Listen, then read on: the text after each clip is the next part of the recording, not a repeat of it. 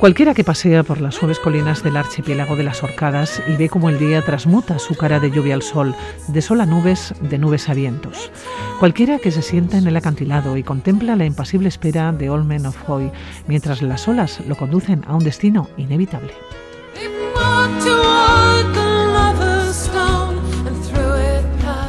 Cualquiera que deja volar su imaginación entre los erguidos vestigios de su pasado remoto se ve inevitablemente imbuido de un fatum terrible pero cautivador que le hará sentirse como aquel viajero ante un mar de niebla que surgiera de los pinceles de Caspar David Friedrich.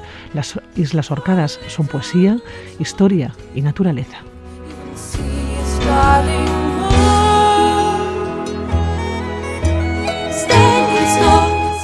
Y así definía Xavier eh, Buñuelos a las Islas Orcadas. Este es un fragmento de un reportaje que él escribió precisamente sobre las islas, titulado El embrujo de las piedras erguidas. Xavier, ¿cómo estás? Eso, muy bien. Bueno, hoy el eh, texto y la música nos lleva hasta Escocia, nos lleva hasta las Islas Orcadas. Exactamente, ¿no? Por eso, por eso he elegido también a, Lorena McKenny. Me has, dejado, me has dejado elegir la música y lo he tenido clarísimo, ¿no? Porque este Standing Stone de Parallel Dreams, ¿no? de, Lorena McKennitt, yo creo que recoge muy bien, ¿no? en esa canción de amores imposibles y trágicos, ¿no? cuando el amante pide a la magia de los Cromlech que le devuelvan a su amado muerto, recoge muy bien todo ese mundo mágico y casi místico que, le envuelve a uno cuando, cuando viaja a estas islas del norte escocés. ¿Cómo son estas islas? Eh, porque son islas eh, yo creo que muy desconocidas en general para los eh, viajeros, ¿no? Para los aventureros o por lo menos para los turistas. No es un destino seleccionado. Sí, no, no, no suele, no suele, ser muy habitual que la gente se acerque por aquí y la verdad es que eso le dota de, pues bueno, de un carácter muy, muy bonito porque muchas veces estás simplemente solo, ¿no? Disfrutando de la naturaleza y te, y te invade una serie de, de sensaciones, pues muy curiosas, ¿no? Porque, bueno, yo hablo desde lo personal, ¿no? Lo que a mí me, me ocurrió cuando llegué allí lo primero que tuve es sensación de confín, de haber llegado casi al fin del mundo, cosa que no es cierto, ¿eh? porque, porque hay más tierra, ¿no? incluso, incluso al norte, pero sí ese aislamiento ¿no? de, estas islas entre brumas, entre mares, eh, la verdad es que bastante bravíos, eh, un clima absolutamente desconcertante, ¿no? Eh, no sé, te hace, te hace sentirte en esta, en esta posición de fin del mundo, ¿no? rodeado de magia, de mitos, de nostalgias, pero curiosamente, eh, una tremenda tranquilidad, ¿no? porque son unas islas tranquilas, muy, muy, tranquilas. Entonces, la verdad es que se, mezclan estas, estas cosas. no Son, son parte eh, del arco de islas que cruzan el Atlántico Norte desde las Islas Británicas hasta Islandia. Es decir, que empiezan con las Orcadas, continúan con las Shetland, siguen en las Faroe y terminan en Islandia, que es un arco a mí me tiene absolutamente enamorado. Me las he visitado todas y algunas en más de una ocasión, ¿no? Porque me parece absolutamente espectacular, tanto desde el punto de vista paisajístico como de lo que te hace sentir por dentro estar allí. ¿no? Claro, pero están habitadas porque hablamos del norte de Escocia, de estas islas, son 70 islas me parece, pero ¿cuántas están habitadas?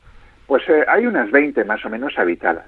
Están eh, muy cerca, en realidad están muy cerquitas de la costa de la costa norte escocesa. ¿eh? Si en línea recta los puntos costeros más cercanos son 10 kilómetros y si tú vas en barco, que es lo que se suele hacer desde Scraster hasta Stromness, Scraster en, digamos en, Escocia y Stromness en las Orcadas, eh, serán unos 40 kilómetros más o menos. ¿no? Sí, unas 20 islas habitadas, Min, Mainland, Grimsay, Hoy, Lamhorn, eh, Sapinsay, Rousay, Strosney, Papa Westray, es decir, hay una serie de, sí, hay unas, unas, unas 20 islas más o menos. Pero lo que pasa es que de todas no vamos a poder hablar, ¿no? Yo creo que igual lo que podemos hacer es centrarnos en Mainland, que es la, isla principal, de ahí el nombre, ¿no? Mainland, y sus islas adyacentes, algunas de las cuales están unidas a, Mainland, y luego hay otras dos islas que a mí me gustan mucho, que son Hoy y Papa Westray. ¿Cómo son eh, las islas cuando llegas allá? Porque tienen esa parte, decías, nostalgia, ¿no? O romántica. Has hablado de bruma también, de magia. Sí, sí, sí. A ver, eh, ¿cómo son las islas? Eh, mira, de entrada, tienen una historia muy característica. Yo creo que es importante para entender el carácter de la gente. Estamos hablando de que los primeros vestigios ya tienen 5.500 años antes de Cristo, del Neolítico, ¿no? con abundantes e importantísimos y, espectaculares restos de, aquella época. Es una isla donde ha pasado gente muy diversa, desde los pictos, que todavía se discute si eran proindoeuropeos o celtas britónicos, después llegan los, eh, los vikingos noruegos a finales del siglo VIII que desplazan a los pictos, posteriormente pasa, como todo Noruega, a manos danesas, en 1468 es cuando llegan realmente, digamos, los los escoceses, estamos hablando ya del siglo del siglo XV, ¿no? un, una rollo, un rollo dinástica entre el rey danés Cristian I y Jacobo II de Escocia, ¿no? que bueno, el primero casa al, segundo con, con, su hija, le da como, como aval de, la dote eh, las islas, no paga el dote y entonces los escoceses se quedan con las islas. ¿no? Entonces hay, toda esta mezcla de, personas y de gentes diferentes y luego además en el siglo XX tiene una historia pues, pues muy curiosa vinculada a la Segunda Guerra Mundial porque Scapa Flow, que es una de las principales bahías de la isla, es la mayor base naval de la, de la Royal Navy ¿no? y tanto la Primera Guerra Mundial como la Segunda Guerra Mundial juega un, un papel muy importante. En la primera es donde se hunde la Armada alemana tras el armisticio de 1918 y en la Segunda Guerra Mundial se da el, bueno, pues el episodio del U-47 de Gunther Prien con el hundimiento del HSN Royal eh, Oak el 14 de octubre del 39. ¿no? Entonces se, se, se, hace también la Churchill Barrier, que une las islas de Mainland y Burra y South Ronaldsday para evitar precisamente los ataques de los, de los alemanes. En fin, quiero decir que toda esta, toda esta historia donde se mezclan distintas gentes y luego episodios importantes para el imperio británico, por decirlo de alguna manera, durante la Primera y la Segunda Guerra Mundial, hace que tengan un carácter sus gentes pues muy, muy, muy, muy particular. ¿no? Es un carácter... Una mezcla, entiendo, ¿no? Sí, entre escocés y escandinavo, no se sabe muy bien. Eh, la verdad es que son orcadianos, o sea, y ellos y ellas así se definen, ¿no? Como orcadianos.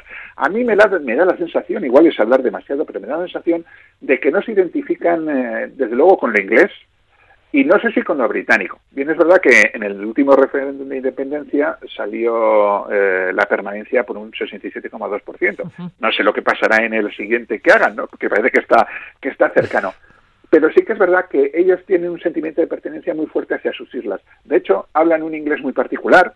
No es un inglés con un acento extraño, que además se mezcla con, eh, con términos nórdicos. Y luego es que son muy isleños.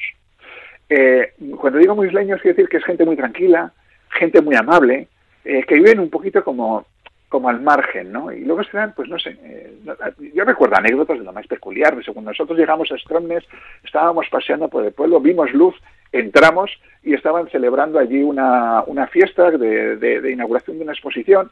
Me acuerdo que nos puse, estaban tocando pues la típica música orcadiana con sus acordeones y violines y, iba yo con una amiga y nos pusimos a bailar una polca. Éramos los únicos que nos dio por bailar la, la polca que estaban tocando. Pues, ¿qué, ¿qué, quieres que te diga? Fuimos populares en Stromness el resto del tiempo que estuvimos. ¿Eso qué significaba? Que llegábamos a un bar, entrábamos, bueno, un bar, no hay muchos más en Stromness, que es pueblo pequeñito, ¿no? Y, y ahí estaban las mismas señoras tocando y de repente estabas ahí y antes de pedir nada ya te habían servido una cerveza y tu whisky, ¿no? Y, y dices, bueno, ¿y vas a pagar? Y dices, no, no, que estáis invitados. Y así todo el tiempo que estuvimos por allí. O, por ejemplo, ir paseando por las islas, eh, había dos cosas que me llamaban muchísimo la atención. Primero, las vacas. No estaban acostumbrados a ver gente, entonces se acercaban aunque estuvieran a medio kilómetro de distancia para verte pasar. Y luego, eh, bueno, no más aparte, eh, era muy habitual que fueras caminando y alguien que pasaba en coche parara. Primero para ver si estabas bien y segundo para llevarte a donde quisieras ir. A ver, es eh, como digo, esto ocurre en los lugares donde hay poca gente y donde va poca gente, ¿no? Y donde la gente además está acostumbrada pues a tratar, supongo que también dicen que pueblo pequeño, infierno grande, ¿no? Eh, bueno, pues también habrá sus líos y sus problemas, pero la sensación que uno tiene cuando llega allí es eso, ¿no? De tranquilidad, de, estar, eh, bueno, de que la gente es amable contigo y que aunque no sea meridional, porque no es esta, esta cosa del sur o como si vas al Caribe, ¿no? Que, estás todo el rato en contacto, sí que están siempre dispuestos a estar, a hablar y a, sí, y ayudar, ¿no? Oye, eh, eh, llegamos allá, ¿qué es lo que lo que tenemos que ver o qué podemos ver? Pues mira, eh, lo primero que te, que te vas a encontrar es con una naturaleza diferente a la que estamos acostumbrados aquí, ¿no?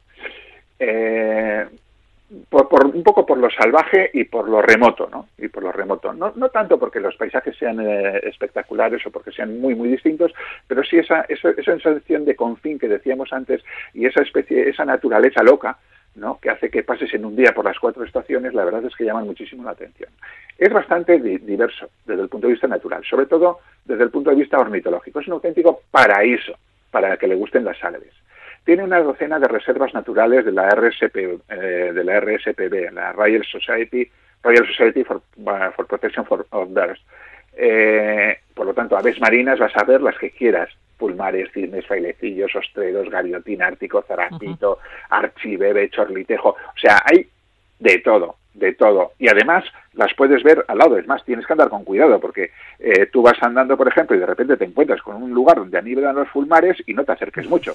Porque, bueno, mucho, mucho quiero decir más allá de 30 centímetros, porque es donde llega el escupitajo del fulmar y como te escupa el fulmar y te, y te pegue el escupitajo en el, o el vómito, mejor dicho, en el pantalón, ya puedes tirar el pantalón porque eso huele a demonios y, no hay quien, y no hay quien lo quita, ¿no? Entonces, desde ese punto de vista es riquísimo. Por ejemplo, la bahía de Windwick, en la isla de Sur Ronaldsay, es, un, pues como digo, un paraíso, ¿no? O la isla de Rosay para ver aves, pero es que luego también tienes focas grises, nutrias marinas, ¿eh? que se, se pueden ver con relativa facilidad. Por supuesto, cetáceos. Ah, y luego miles y miles y miles y miles de conejos. ¿eh?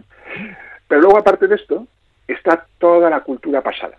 ¿eh? Toda la cultura pasada, sobre todo la cultura que viene del neolítico. ¿eh? De hecho, está lo que le llaman el corazón neolítico de las Orcadas, está declarado Patrimonio Humanidad desde 1999. ¿eh? Este, y agrupa una serie de monumentos, no todos, ¿eh? no todos porque hay muchísimos, pero sí hay unos cuantos que son especialmente importantes. Por ejemplo, Scarabrae, que está en Mainan, en la principal, en la bahía de Skyle, que es una aldea neolítica que, digamos, abarca los años desde el 3100 al 2500 antes de Cristo y tiene la curiosidad de que se te conserva el ejemplar más antiguo de pulga. ¿Te gusta Indiana Jones? Sí. Bueno, pues si has visto Indiana Jones y la calavera de cristal en la, en la escena en la escena inicial, cuando está él en clase con los alumnos y las alumnas explicando allí, está hablando precisamente de Scarabrae. ¿No? Bueno, pues ahora sí, ahora sí que nos fijaremos, ¿eh? A ver, fijaros, porque, porque además hay unos dibujos en la pizarra que ha hecho, que se supone ha hecho él y tal para explicar la, la estructura de, de, la aldea y demás. Bueno, aparte de Scarabrae tenemos Maes Hau, que es un túmulo de arenisca con petroglifos vikingos, una auténtica preciosidad. Está el anillo de Brodgar, que desde mi punto de vista es uno de los cromlechs más bonitos que hay, o por lo menos de los que yo he visto. ¿no? Es un cromlech que está en el istmo entre los lagos Stresnes y Harray, yo creo que es el Cromlech al que se refiere Lorena McKennitt en su, en su canción, ¿no? De eh, del año 2500 antes de Cristo, más o menos. ¿eh? Tiene un diámetro, es enorme, es muy grande, tiene un diámetro de 104 metros y, y, tenía unas 60 piedras, de las cuales se conservan 27. Otro de los, de los, eh, de los lugares de este corazón neolítico de Socada es Barnhouse, ¿no? que es un grupo de viviendas independientes. Y luego están las rocas de Sternes, que es un cromlech con forma de elipse de, pues bueno, de hace del, del 3000 antes de Cristo. Pero hay más, porque tenemos el Broch of Birsay, que, es, es, muy bonito porque solamente es accesible eh, en marea baja. Y además, o sea, está como una isla. Baja la marea, se crea una especie de, de, tómbolo y tú puedes pasar. Como te pilla ahí la marea subida, ya puedes esperar seis horas porque no pasas a la, a la tierra, digamos, al mainland, ¿no? Bueno, pues este es un asentamiento picto de, entre los siglos V a VII. Luego está la tumba de las águilas, en la isla de South Ronaldsdale, que es también una preciosidad. El Nap Howard, que está en Papa uh Nos tenemos que remontar al 3500 antes de Cristo, que es la casa más antigua del oeste de Europa. Y luego, aparte de todo este conjunto de ruinas neolíticas, que como digo es una auténtica gozada, eh, ya, nos venimos un poco más, eh, más hacia la edad contemporánea, ¿no? Y vamos a Kirwall, que es la capital, y tenemos ahí la Catedral de San, de San Magnus, de 1137, el Palacio del Obispo del siglo XII, el Palacio de Earl, que es muy bonito, del siglo XVI, renacentista, el Tankerness House, del siglo XV, tenemos la capilla italiana, que está en la isla de Lamholm, ya no hemos oído Kirwall, que fue construida por el campo 60 de prisioneros italianos de la, Segunda Guerra Mundial, Luego está la, Churchill Barrier, ¿eh? que dice que une Mainland Burray y Sir Ronaldsday, que lo, que esta Churchill Barrier, que es la barrera de Churchill, lo que hicieron los ingleses fue hundir una serie de barcos para cerrar los eh, canales que unían estas islas y así impedir la entrada de submarinos alemanes para que volviera a ocurrir lo que ocurrió en Scapa en, en, con el hundimiento del Royal, del Royal Oak. Luego, en, el, en la isla de Hoy, que está muy cerquita de, de, Mainland, ah, está el Old Man of Hoy, que mm, lo, hemos nombrado en la introducción que has, que has hecho, ¿no? que es un farallón. Bueno, en, realidad no es, un no es exactamente un farallón, es una columna eh, altísima de arenisca que está en mitad del mar, que es una auténtica preciosidad. ¿no? Probablemente en su día estuviera unida al continente por algún puente, y bueno, algún puente quiero decir algún puente natural que colapsó en su momento por eh, bueno pues por la acción de los de los elementos y, y cuando cuando colapsó y se derrumbó pues quedó ahí esta especie de dedo que sale directamente del mar hacia el cielo ¿no? y luego hay una, isla que me encanta perdona que te diga que no que es Papa Westray es la última que está allí al norte del todo es una isla pequeñita no y, pero pequeñita quiere decir, no sé si tiene 7 kilómetros de largo por 2 kilómetros de ancho, una cosa así, la puedes hacer andando perfectamente, ¿no? que es la isla de los curas, pues ahí sí la, antigua iglesia de las ruinas, la iglesia de, de San Bonifacio, eh, y que ahí sí que tiene sensación de confino. Allí además eh, tuvimos ocasión de estar con los isleños, que son muy poquitos,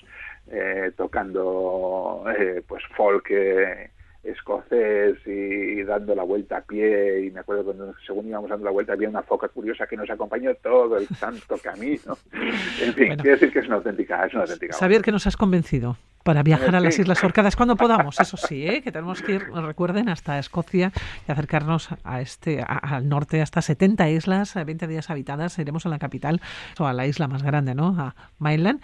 Cuídate mucho, pues, Xavier. Pues, Cuídate, agur. agur.